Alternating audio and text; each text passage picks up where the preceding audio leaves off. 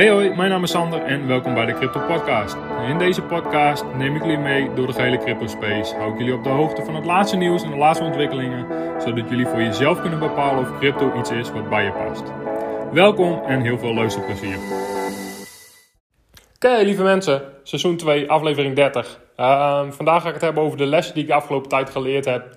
En niet zozeer dat ik ze niet al deed, maar gewoon nog eens een keer in dit soort, uh, in zo'n bearmarkt word je gewoon echt nog wel eens een keer goed met de neus op de feiten gedrukt en dat is goed. Dat is heel goed zelfs. Daar word je een betere investeerder van.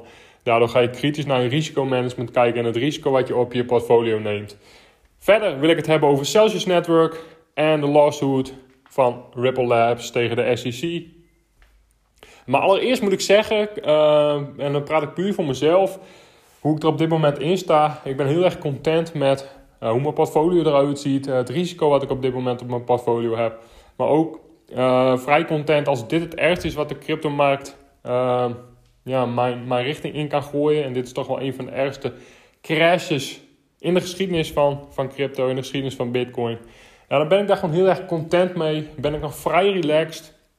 Maak ik me over de langere termijn potentie van crypto absoluut helemaal geen zorgen. Ben ik ook blij met de investeringen die ik, die ik gedaan heb en in de toekomst nog ga doen. Dus ik, ik moet zeggen, ik ben heel erg opgetogen, heel erg content met hoe ik op dit moment in de markt sta. En de lessen die ik de afgelopen tijd geleerd heb, uh, die me een betere investeerder maken. En nogmaals, dat je een keer goed met de neus op de feiten gedrukt wordt, is in die zin heel erg belangrijk. Want dat gaat vroeg of laat toch gebeuren. Neem je te veel risico uh, op je portfolio op een bepaalde manier, dan ga je daar vroeg of laat mee geconfronteerd worden. En in mijn geval, uh, ja, hoe is het, is het, is het, heb ik daar eigenlijk vrij weinig, toch geen schade van gehad. Um, en in die zin ja, is, dat, is dat goed om als investeerder daar heel erg kritisch op te blijven. En nogmaals, uh, als dit het ergste is wat de cryptomarkt uh, mijn richting in kan gooien, ja, ben ik uh, gemotiveerder dan ooit om mensen kennis te laten maken met crypto. Um, en content te blijven maken voor jullie de komende tijd. Um, qua investeren ga ik echt back to basics. En ik ga het voor mezelf zo simpel mogelijk houden. Zo planmatig mogelijk uh, houden. Om het allemaal super relaxed en stressloos te kunnen doen de komende jaren. En dat is wel iets wat ik je echt op het hart wil drukken. Geloof jij in crypto? Wil je investeren in crypto serieus aanpakken? Dan moet je hier gewoon echt wel geruime tijd voor uittrekken. Uh, vijf tot tien jaar uh, is een hele mooie langere termijn time horizon waarin jij uh, kan mee profiteren van de groei die crypto de komende jaren mogelijk gaat doormaken. En voor mezelf ga ik het in die zin helemaal terug naar de, base, naar de absolute basics. En ga ik eigenlijk alleen nog maar dollar cost average. Dollar cost average all the way. Uh, op die manier weet je precies wat je inlegt, wanneer je dat inlegt en, en in welke projecten je dat gaat inleggen. En voor mezelf zijn dat natuurlijk projecten die ik zelf uitgekozen heb, waarvan ik vind dat ze langere termijn potentie hebben. En eigenlijk ja, heb je daarmee eigenlijk alle aspecten van investeren in die zin, uh, de handelingen die je moet doen, direct getackled. Uh, verder wil ik 0% afhankelijk zijn van centrale partijen. Uh, heb ik al mijn crypto weggehaald bij centrale partijen. Omdat ik nogmaals weer eens een keer goed met de neus op de feiten gedrukt ben. Is dus dat het rendement wat je op je crypto krijgt, is het risico helemaal niet waard. En ook al lijken de rentes soms heel erg mooi, hoe hoger de rentes die je bij een centrale partij op je crypto kan krijgen, hoe meer risico's zij aan de andere kant moeten nemen om dat soort rendementen uit te kunnen betalen. En de andere, site, andere kant van de medaille is daarentegen, gaat het mis bij zo'n centrale partij, ja, dan, dan, dan kun je gewoon al je crypto verliezen. Ze hebben namelijk allemaal clausules uh, in, hun, in hun disclaimers opgenomen waarin zij alle crypto van hun klanten kunnen liquideren als het bij hun misgaat, als ze liquiditeitsproblemen uh, krijgen of als ze bankroet dreigen te gaan. Dus waardevolle lessen um, die het risico absoluut niet waard zijn. En wat ik al zei, dollar cost average all the way. Um, periodiek, leg een vast bedrag in in projecten die jij interessant vindt voor de langere termijn, uh, zodat je precies weet waar je eigenlijk aan toe bent. Uh, wat je gaat doen op welk moment, hoeveel je inlegt in, en in welke projecten. En dan ben je eigenlijk qua de handelingen die je moet doen klaar. En onderschat niet, beste mensen, de kracht van dollar cost averaging. De kracht van periodiek een vast bedrag inleggen. Wat dat doet over tijd. Wat dat doet over de komende jaren. En daarom belangrijk dat je jezelf ook de tijd gunt, de tijd ervoor uittrekt. En met dollar cost averaging neem je gewoon heel weinig risico op je portfolio. Omdat je, uh, het gaat om kleine periodieke bedragen die je op het moment zelf niet direct mist. Uh, verder heel erg belangrijk natuurlijk, not your keys, not your crypto. Uh, dat je je crypto veilig stalt. Nogmaals, ik wil echt 0% afhankelijk zijn van centrale partijen. Los van wat crypto wat ik op, een, op bepaalde exchanges heb staan. waar ik wel een heel goed gevoel bij heb. Maar dat gaat puur over een stukje liquiditeit, een stukje flexibiliteit. En natuurlijk voor het aankopen van je crypto moet je gebruik maken van een exchange. Dat is hoe ik er zelf in sta, emotioneel, maar ook mijn strategie voor de komende jaren. Ehm, toch weer eens even kritisch naar gekeken, toch nog weer eens even aangescherpt. En dit is echt een, een, een super hufte-proven strategie die iedereen heel makkelijk kan toepassen. En ik raad ook echt iedereen aan die crypto-investeren serieus wil nemen om daar eens kritisch naar te kijken. En met name simpel en zo stressloos mogelijk. Omdat dit een marathon is die je met vrij weinig stress wil doorlopen. En zeker als je dit jaren consistent wilt doen en daar emotioneel fit in wil blijven, ja, moet je het zo simplistisch mogelijk maken, waardoor je gewoon heel weinig stress ervaart van deze hele crypto-investeringsreis. Uh, tweede ding waar ik het over wil hebben: Celsius Network, gesprek van de dag. Er is vrijwel vrij weinig tot geen communicatie vanuit Celsius Network wat er nou precies gaande is. En hoe ze uh, ja, deze problemen die ze hebben, de uh, liquiditeitsproblemen, want daar lijkt het toch wel echt op gaan oplossen. Uh, dat is heel erg spijtig voor de community, maar in die zin vind ik het wel een hele interessante case om te volgen, omdat dit nogal wat impliceert. Of het, welke kant het ook opgaat, gaat het voor een deel goed komen voor de klanten of niet. dit gaat enorme implicaties hebben voor de crypto space in zijn geheel. Maar wat zijn de geruchten achter de schermen? Achter de schermen, het lijkt erop, maar het zijn geruchten, uh, dus pin me er niet op vast, dat tijdens het Luna USD debakel Celsius Network net op tijd uit zijn USD-positie heeft kunnen stappen. Uh, maar dat daardoor andere grote spelers met uh, enorme zakken USD achterbleven en enorme verliezen hebben geleden. Het lijkt erop, en het zijn geruchten, dat deze partijen samengekomen zijn en een gecoördineerde aanval op het, op het merk Celsius Network hebben uitgevoerd. In de zin van fake nieuws verspreiden, negatief nieuws verspreiden, heel veel FUD verspreiden, waardoor zij eigenlijk een bankrun uh, bij Celsius Network hebben veroorzaakt. En waardoor Celsius Network met liquiditeitsproblemen uh, te maken kreeg en al hun withdrawals moesten stopzetten. Um, ik, heb hier, ik heb wel mijn mening over waar het mogelijk naartoe gaat, maar uh, gewoon even puur objectief wat mogelijke scenario's zouden kunnen zijn. Eén, er zou een heel traditioneel zou Celsius Network voor een bankruptcy kunnen filen. Op een hele traditionele manier. Um, dan gaat het er absoluut niet goed uitzien voor de community. Tweede scenario is dat ze voor een meer klantvriendelijke aanpak gaan. die je kunt vergelijken met Bitfinex in het verleden.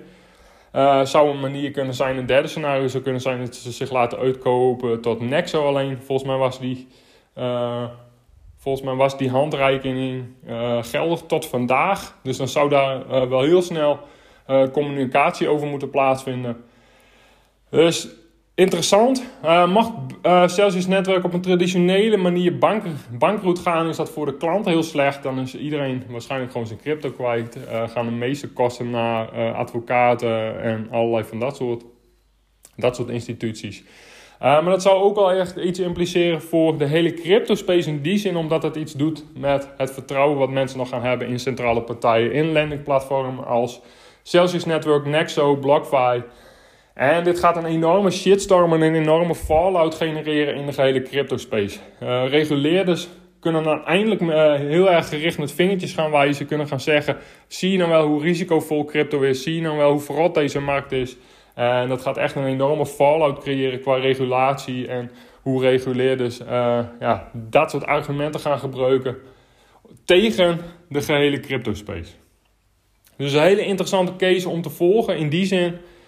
Um, dus ben benieuwd en ik verwacht toch, ze zullen toch ergens een keer moeten gaan communiceren wat, wat er gebeurt, wat de plannen zijn en hoe zij bepaalde dingen gaan, gaan tackelen, wel of niet. Ik hoop dat ze eindelijk een keer het daad bij het woord gaan voeren en dat zij een, ja, echt voor hun community gaan staan, echt voor hun klanten gaan staan. Uh, en echt het onderste uit de, klant uh, uit de kant proberen te halen voor hun klanten. Dus dat blijft een heel interessant verhaal. Um, derde punt, de lawsuit van de SEC tegen Ripple Labs.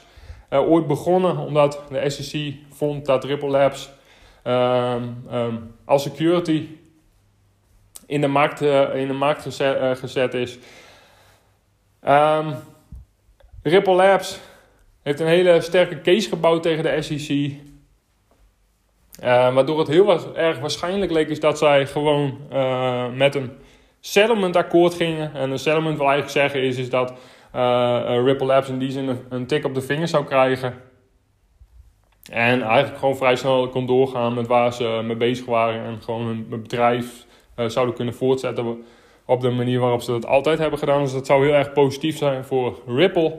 Um, alleen er zijn geruchten, en dit is heel erg interessant, is, is dat Ripple Labs, nogmaals, pin me hier niet op vast. Dit, dit, er zijn wat geruchten in, in de crypto spaces dat Ripple Labs zo'n settlement heeft afgewezen.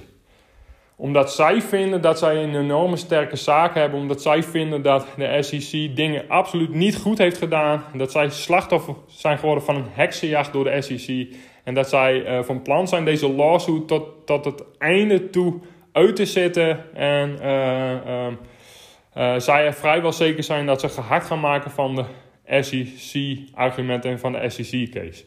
En dat zou echt enorme implicaties hebben voor de gehele crypto space. Ook weer uh, in die zin heel erg positief, omdat de SEC dan in de toekomst eigenlijk vrijwel geen kreut meer heeft om uh, ja, ook andere projecten nog voor de rechter te gaan slepen met dit argument.